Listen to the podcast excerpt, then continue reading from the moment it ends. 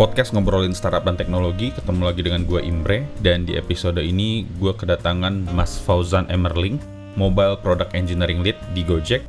Dan kita bakal ngobrol tentang beberapa hal termasuk Product Development 101, prinsip-prinsip yang perlu diperhatikan ketika product development, bagaimana caranya mengukur keberhasilan produk, tentang bisnis pivot juga, dan bagaimana tentang culture kerja remote.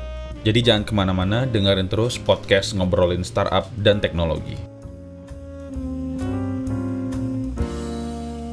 Halo semuanya, bareng gue siang ini udah ada Mas Fauzan. Mas Fauzan ini adalah salah satu engineering manager gue dulu di waktu gue masih kerja pertama kali setelah lulus. Kita sapa aja. Halo Mas Fauzan, apa kabar? Halo Imre, gimana kabar? Gue kabar baik. Baik, alhamdulillah.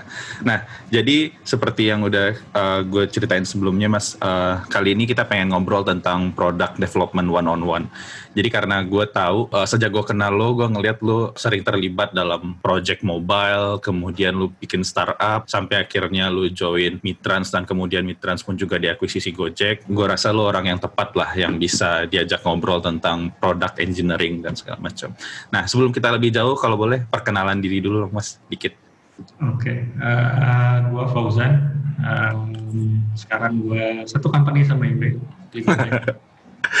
Uh, kebetulan gue sama Imre banyak company yang sama nih dari dulu. Jadi dulu Imre itu di Ice House bareng sama gue, itu kerjaan pertama dia. Habis itu yeah. juga gue dari Ice House gue cabut ke Traveloka itu karena gue tertarik untuk belajar lebih banyak soal produk. Eh si Imre ikut juga deh, pulang dari US mau masuk Traveloka juga. Iya yeah, iya. Yeah, yeah. Terus gue habis Traveloka, gue bantuin teman gue bikin startup, si Imre ikut juga bikin startup kan. Terus ujung-ujungnya berakhir di Gojek juga, jadi sama lah orang lebih sama ini. Um, pengalaman udah berapa ya? Sekitar 15 tahunan lah di industri. Terus gue udah married, gue hobi musik, terutama bareng istri sama anak, soalnya pada hobi semua. Hmm. Jadi ya gitulah. Sekarang sedang menikmati masa-masa WFH karena gue tinggal di desa dan itu enak banget dibanding tinggal di Jakarta apalagi WFH begini. ya, jadi nanti gue akan tanya pertanyaan itu kenapa akhirnya lu memutuskan untuk pindah ke desa dari hingar-bingar perkotaan. Nanti kita okay. bahas di terakhir mas. Nah, uh, gue punya pertanyaan karena uh, gue udah lihat LinkedIn lo dan uh, eh, 15 tahun pengalaman. Dari 15 tahun pengalaman ini apa aja sih mas hal-hal yang sampai sekarang tentang product development itu yang selalu lu bawa ke mana pun lu pergi maksudnya dari lu satu company ke company lain prinsip-prinsip apa aja yang lu pegang? Yang paling utama selalu fokus on people sih kalau ngembangin produk. People di sini ada dua. Yang pertama itu of course user ya. Okay. Karena yang akan dipakai pada yang akan pakai akhirnya pada akhirnya user jadi apa pun yang dibikin itu harus memenuhi kebutuhan user bukan memenuhi kebutuhan kita. Karena kalau awal bikin produk misalnya itu kan semua masih asumsi. Yeah. Jadi ya asumsi doang gitu sampai sampai benar divalidasi ke user baru itu akan terbukti benar apa dan harus diiterate sesuai kebutuhan user. Jadi bukan bukan soal apa yang ada di kita. Itu sisi user pertama yang lihat. Yang kedua adalah saat lo bikin produk biasanya punya tim. Nah tim lo juga harus diperhatiin sih karena itu people yang penting juga menurut gue. People itu selalu jadi important part di saat kita bikin produk. You should be happy with what you're making and the people you're making it with, sama the people using your product should be happy as well. Jadi dua dua sisi itu yang selalu gue coba lihat setiap kali bikin produk. I see. Gue punya pertanyaan. Kalau saat tadi lo bilang uh, tentang kebutuhan user, kalau hmm kita bikin produk, uh, katakanlah waktu lu bikin startup lu dulu, lu pasti punya visi kan mas tentang produk lo sendiri. Terus ketika lu punya visi dan kemudian ternyata apa yang dibilang customer mungkin berbeda, itu cara lu mensiasatinya gimana? Um, visi gini sih, kalau gue lebih ngelihatnya visi itu seharusnya bukan sesuatu yang satu. Jadi visi lo harus ke problem apa yang lo mau solve, bukan ke produknya seharusnya begini. Tapi oh, identify a problem, identify a problem, terus ya do whatever it takes to actually solve the problem. Kayak kayak misalnya contoh deh, kayak tempat kita kerja sekarang, atau yang tempat kerja sebelumnya yang kita sama juga sebelum yang di sini. Yeah. Itu kan visinya adalah karena memang ada problem yang memang mau di solve gitu di Traveloka kan mereka mau solve travel? Karena zaman dulu mau booking tiket susah banget kan? Jadi mereka fokus yeah. ke situ. Bahwa saat di jalan misalnya ketemu menurut user kayaknya harus begini begitu ya pasti dirubah. Sama juga dengan tempat kerja kita sekarang kan? Mulai dengan asumsi macam-macam ujung-ujungnya nanti begitu ketemu user ya kayak mana? Nggak bisa enggak yes. gitu. Jadi visinya adalah visi yang bagus menurut gue adalah buat produk di solve. Jadi bukan lebih ke visi, uh, produk gue harus begini, UI-nya harus begini enggak, karena itu akan berubah sesuai dengan habitnya pengguna kan mas. Uh, eh, gue penasaran kalau seandainya kayak gitu, uh, lu punya uh, visi tentang produk lu akan nge-solve permasalahan apa. Terus hmm. ketika lu mau develop produk, apakah hal-hal yang lu lakuin duluan mas? Yang pasti ngobrol sama user. Gue ada, ada ada cerita menarik sih. Ini dulu bukan gue yang jalanin, jadi waktu waktu kan gue ke Gojek itu karena Gojek dibeli Mitrans tapi Mitrans ini punya child company namanya Prism yeah. nah, awalnya tuh kita bukan Prism dulu Coral uh, Coral itu kayak uh, mobile marketplace buat social sellers nah si Coral ini yang menarik adalah uh, eh, gue masuk situ kayak employee number one gitu deh jadi udah ada tiga founder temen gue si satu si Tista, lo kenal Tista kan? Terus ada yeah. Andrea Dharma. Ide dasarnya itu dari Dharma. Nah si Dharma ini dia buat beneran ketemu requirement itu dia ngobrol cold call sama kira-kira seratusan online seller gitu. Okay. dan disamperin sama dia buat ngobrol. Ada ada ada satu cerita yang kayak dia ngobrol orangnya lagi sambil bazar di mana gitu. Terus begitu selesai dia ikut bantu ngangkat-ngangkat manakin segala macam kayak gitu. I see. Ini bener-bener how how do you understand the pain? Bener-bener harus mau mau mau mau ngobrol dan mecahin masalah itu sih. Yang gue lihat ya you have to understand their pain. Poin pentingnya sih ngerti pain pointnya di mana sih. Karena kalau lo tahu pain pointnya di mana kan lo tahu apa yang mesti disolve.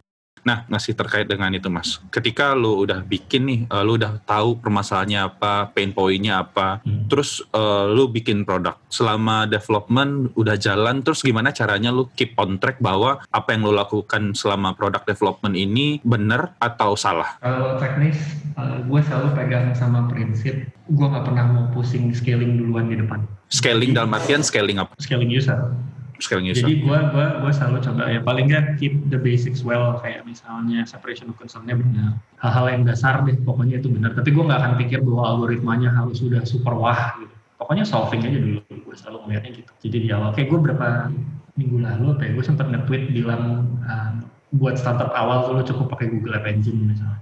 Iya. Yeah ya yang hal-hal yang kayak gitu pokoknya lo bisa develop fast. Gimana lo bisa develop sesuatu dengan cepat karena yang lo perluin adalah yang setelah itu gitu. Itu kan sisi teknisnya. Jadi pakai tools tools yang memang bikin bisa bikin lo uh, develop dengan cepat. Karena lo harus validate itu dengan cepat ke user iterasinya yang paling penting.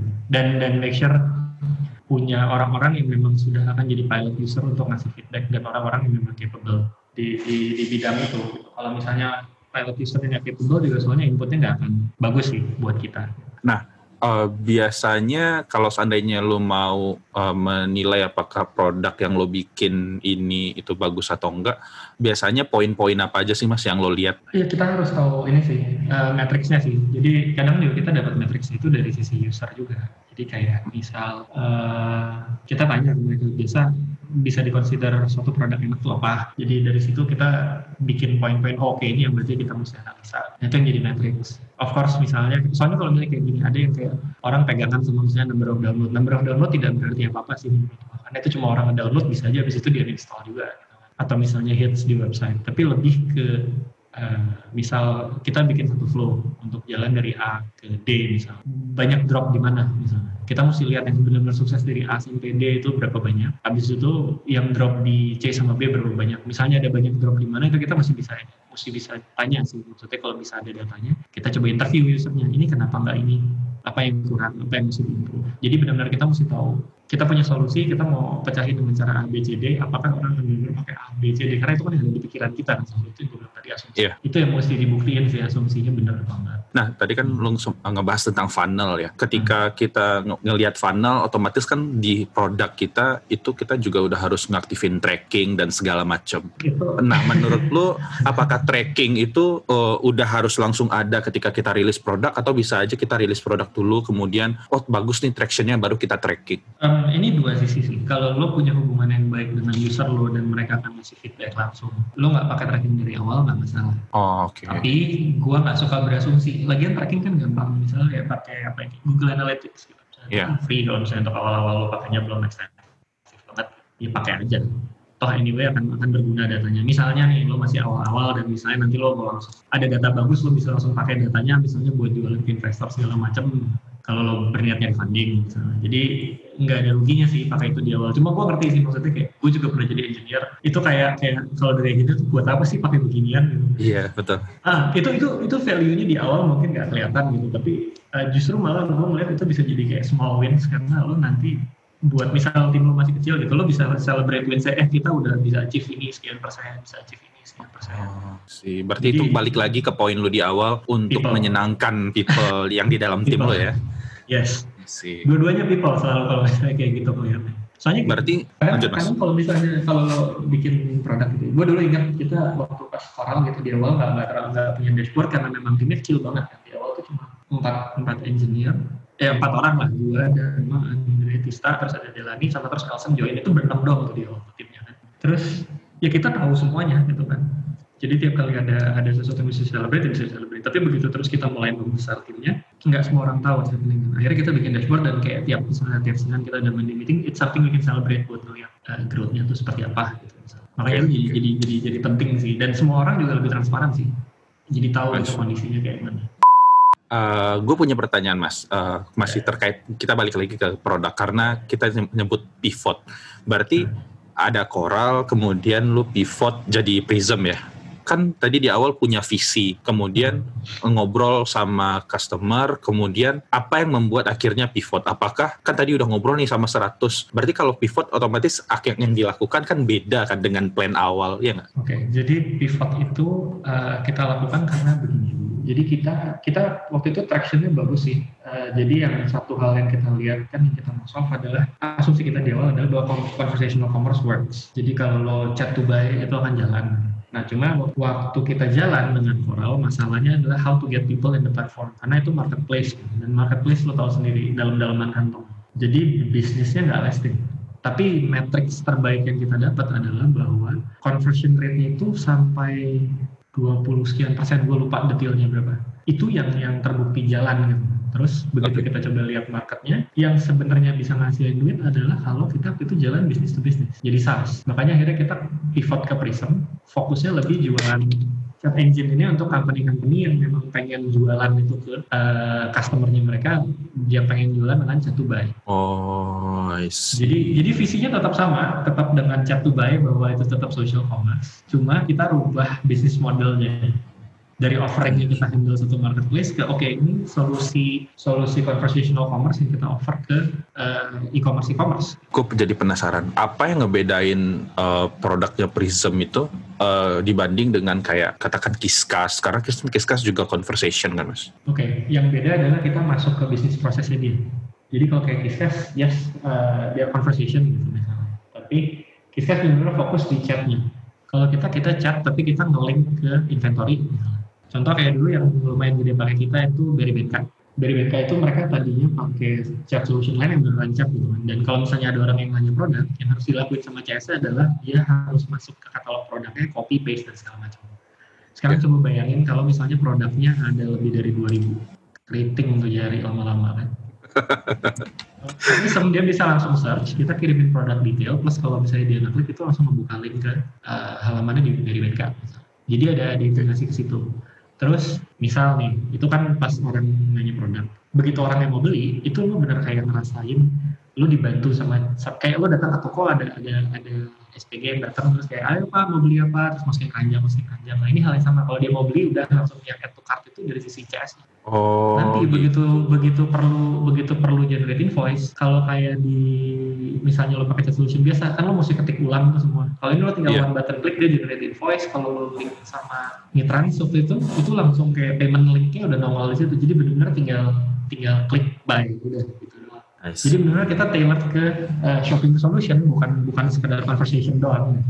Ada yang nanya boleh ceritain nggak pengalaman tentang develop uh, engineering produk Prism dan Sally? Mungkin itu udah kita bahas barusan. Cuman ada yang berkesan nggak mas? Kalau Prism itu sebenarnya benar-benar pengalaman gua belajar paling banyak bikin fakta paling banyak di Prism sebenarnya. Kalau Sally, Sally itu biasa gue nggak banyak bantu karena itu uh, sebenarnya babynya Elson bisa dibilang. Oh iya iya. iya. Elson kan. Nah, Anaknya Elson itu, itu ya. Banyak, nah, itu babynya Elson. Dan yang menarik Sally itu produk hasil hackathon. Oh gitu. Hasil hackathon, hackathon internal. Internal hackathon Midlands Nah, yang menarik waktu itu yang ada di tim Elson adalah Tista sama Ryu. Wadaw. Jadi um, gue gua ngeliat ada, ada ada di salah satu pertanyaan yang di slide itu ya. Ini gue gue tipin sekalian ya. Ada gimana biar diakuisisi tapi produknya belum launch. Waktu itu Kenapa yeah. Coral diakuisisi? Karena Ryu believe sama social commerce. Oh, I see. Dan visinya Dharma Andre Tista di social commerce itu bagus banget. Makanya Ryu melihat future-nya pasti ke arah situ. Dan dia nggak salah sampai hari ini. Iya, iya, iya. Coba lihat lagi pandemi gini kan lo social commerce jalan banget kan. Iya. Ha. Jadi benar-benar itu visi yang benar bagus banget. Nah, uh, Sally ini juga Rio akhirnya waktu itu join di, di, di timnya Sally karena dia melihat hal itu bahwa Sally ini untuk sebagai keyboard dia solving problem kita yang dulu sebenarnya ada di Coral juga gimana lu onboard orang ke platform lo sebenarnya kalau seri lu nggak perlu onboard orang dari WhatsApp atau dari Line atau dari mana-mana platform lo tapi lo bisa pakai existing platform yang ada untuk bisa jadi uh, sales engine yang bagus di situ. I see. Itu. Kalau di Prism itu gue belajar banyak hal uh, lebih ke kayak banyak nabrak tembok dan sebenarnya lo seharusnya nggak begini tapi learn Jadi kayak gue belajar. Jadi waktu dari di Coral tuh kita udah pakai Docker, cuma masih manual. Ya. Even Swarm yeah. aja kita nggak pakai. Swarmnya nggak pakai, jadi masih setting manual. Terus kayak gue mulai belajar itu pakai Rancher. Rancher waktu itu belakangnya belum Kubernetes uh, sempat pakai Rancher sebelum akhirnya pakai Kubernetes. Wah yeah. itu ampun-ampunan banget dulu. Belum yang user agent nggak mau connect. Pokoknya scaling is a big mess lah di sana. Iya, iya, iya. Wah itu hardcore banget tuh pakai Rancher, install sendiri kayak kayak gitu ya? Iya, iya, install sendiri dulu belum ada belum ada GKE kayak gitu. Terus begitu udah mulai ada GKE, terus baru mulai kita migrasi pelan-pelan pakai Kubernetes segala macam. Dan kita ngalamin asli jalanin microservice manual dari sisi dockernya pakai environment variable nembak ke mana ke mananya gitu service-nya terus pokoknya ngalamin banyak hal yang yang yang painful banget deh kayak problem sama logging problem sama monitoring. Dulu tuh kita yang kayak sebulan itu mungkin bisa dua pertiganya tuh begadang buat masalah tapi masalah masalahnya Prism. Soalnya dia scaling very fast kan dulu. Dan, dan tool-tool yang kita punya tuh tidak tidak mendukung untuk hal-hal kayak gitu. Pertanyaan berikutnya nih Mas, gimana caranya building mobile engineering team, terutama di company sebesar Gojek? Tantangannya selalu people. Lo building team itu nggak pernah lain, selalu people. Uh, you just gotta get the right people. Right people ini kalau dari sisi gue, gue bukan melihat right people itu orang-orang yang pintar, yang udah jago gitu, enggak. Gue nggak, gue nggak terlalu senang hire staff. Gue lebih senang hire orang yang punya basic yang bagus dan bisa kerjasama dengan orang lain dalam tim kerjasama sama orang lain dalam tim ini bukan harus lo bacot mulu gitu ya. Ya, ya, ya. Bisa bisa bisa ngomong gitu. Tapi lo bisa berkomunikasi misal lewat tulisan gitu. atau misalnya lewat lewat komen di pull request dan segala macam.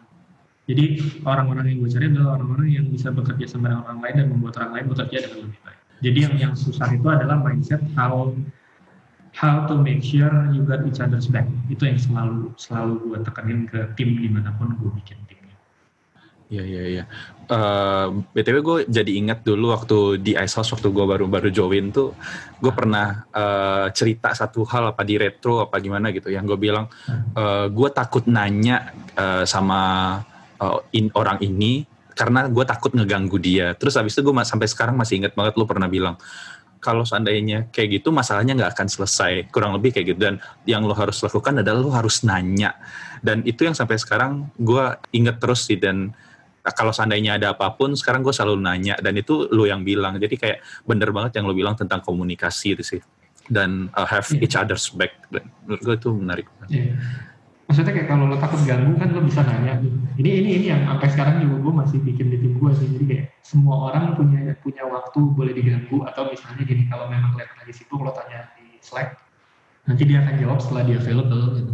Iya, sinkronus ya. Lo lo nggak akan pernah lo nggak akan pernah bisa nyelesain masalah kalau lo perlu tanya ya lo memang harus tanya. Nggak bisa enggak. Yeah. karena yeah. I, gini ada ada satu yang yang bagus ya dulu dulu si Lars. Lo tau Lars lah ya? Oh iya. Lars tuh bosnya gue main brand gue belajar banyak dari Lars itu buat buat team building dan segala macam. Si Lars nih bilang um, saat lo merasa um, lo over communicate mungkin itu baru cukup komunikasinya.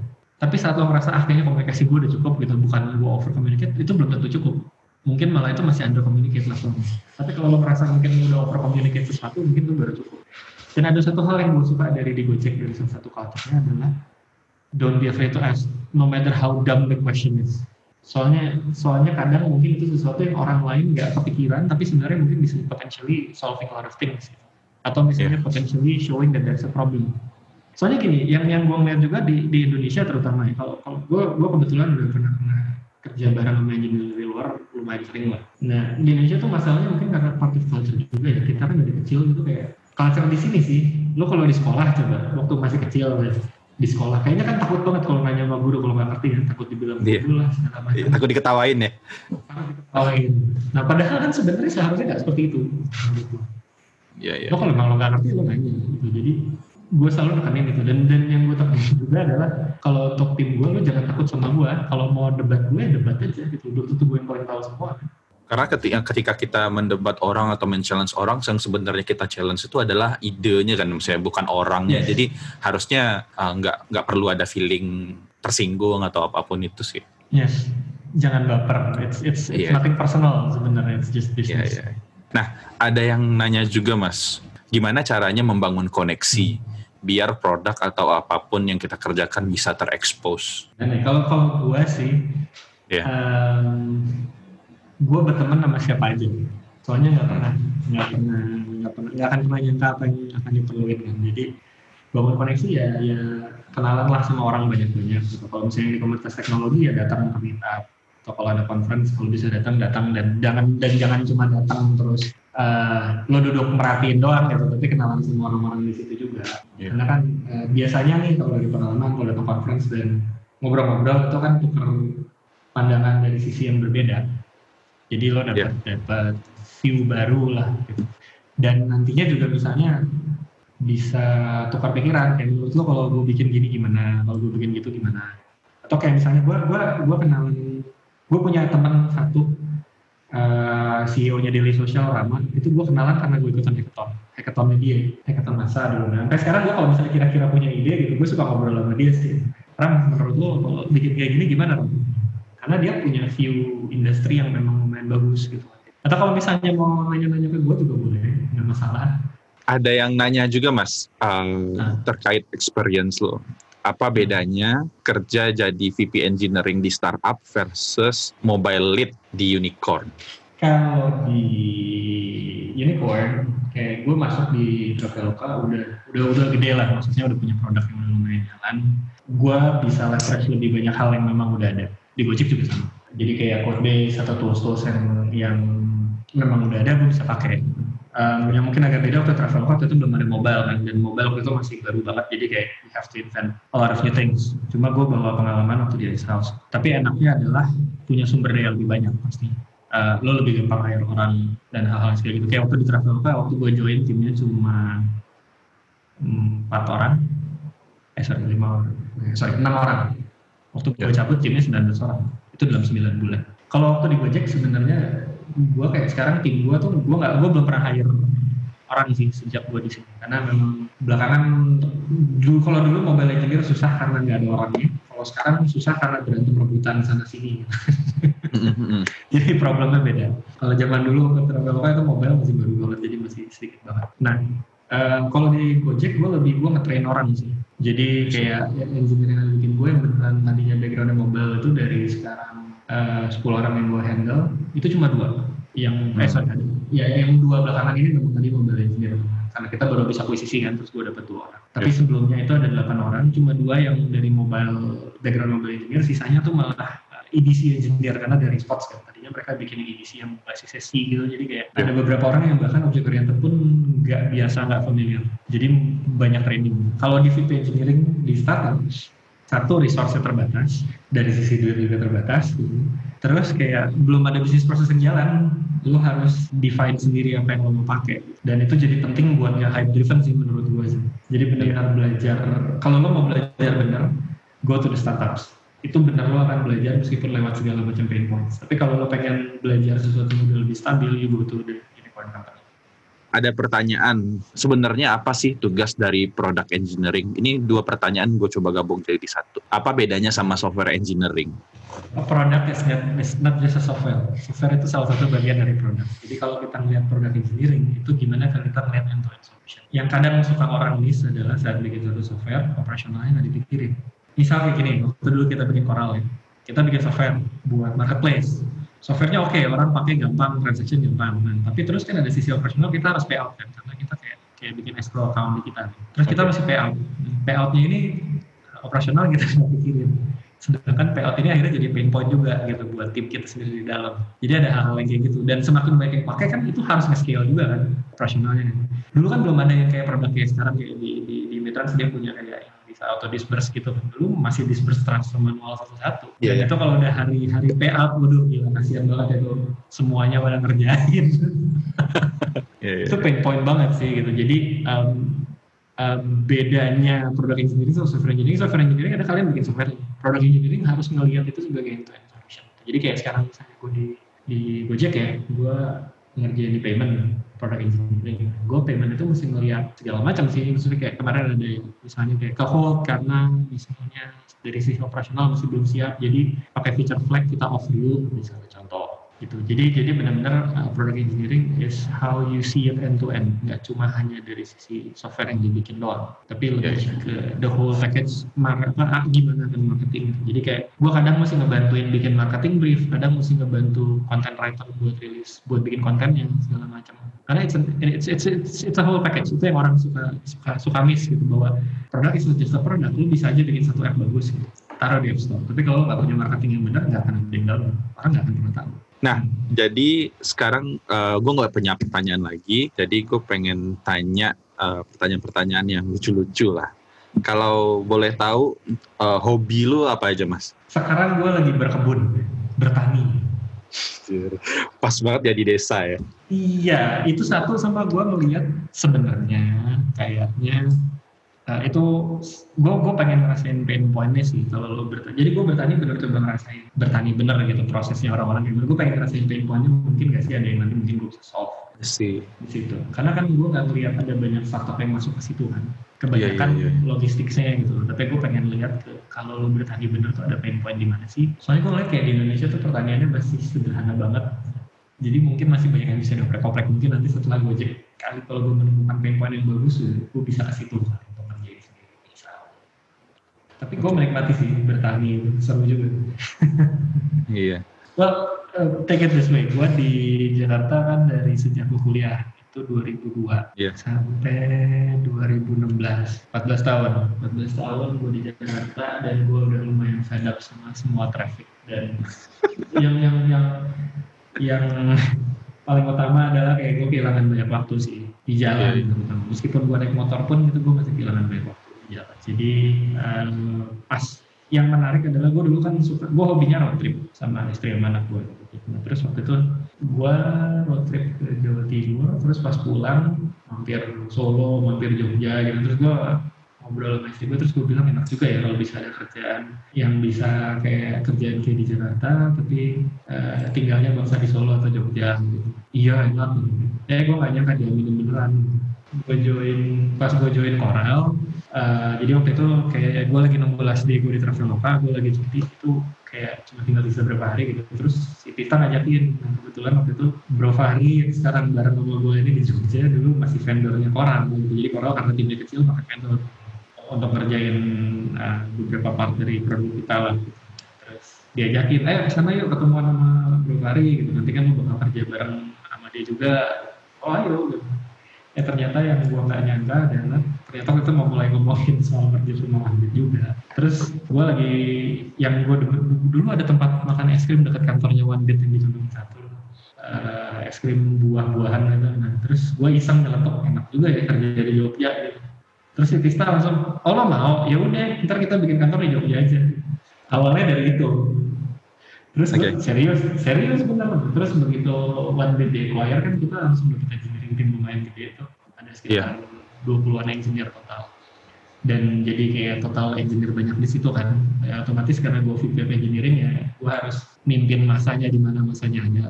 Terus ya udah gue ngobrol sama istri istri oke okay, ya udah kita pindah ke Jogja. Mungkin waktu itu gue masih kontrak dulu kan setelah setahunan lah di Jogja udah happy ya mulailah pencarian ini kan mau tinggal di mana gitu. Akhirnya dapat gue di kalau kalau di Bantul orang bilang ya gue gunung sih tapi ya nggak gunung. Cuma dataran tinggi loh. Untuk, yeah. ukuran Bantul ya dataran tinggi.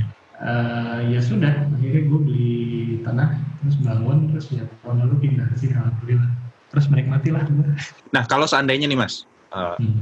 ketika urusan kerjaan tadi uh, timnya itu akan ada di uh, katakan kota lain kayak Solo atau di mana apakah lo akan tetap pindah maksud gue kan nggak uh, Jakarta nih. sekarang jadi jadi pengalaman paling berharga gue dari ngerjain Prism adalah gimana manage remote team.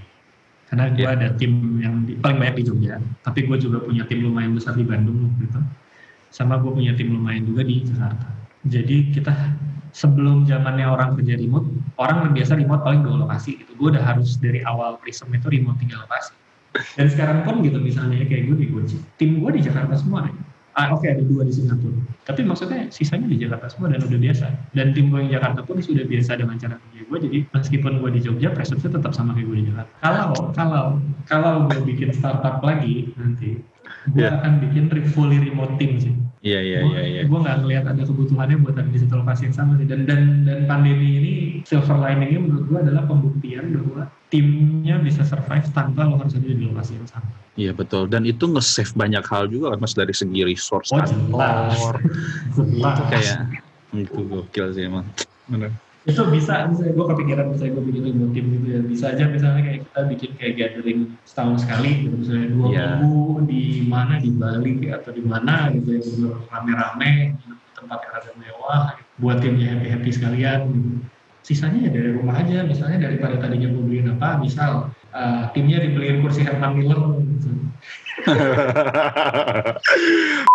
Oke, jadi obrolan gue bareng Mas Fauzan segitu dulu. Mohon maaf kelanjutannya nggak bisa gue rilis. Terima kasih buat kalian yang udah dengerin. Sampai ketemu lagi di episode berikutnya. Kalau seandainya kalian punya masukan atau feedback seperti biasa, mention gue di @imbrenagi dan sampai ketemu lagi di episode berikutnya.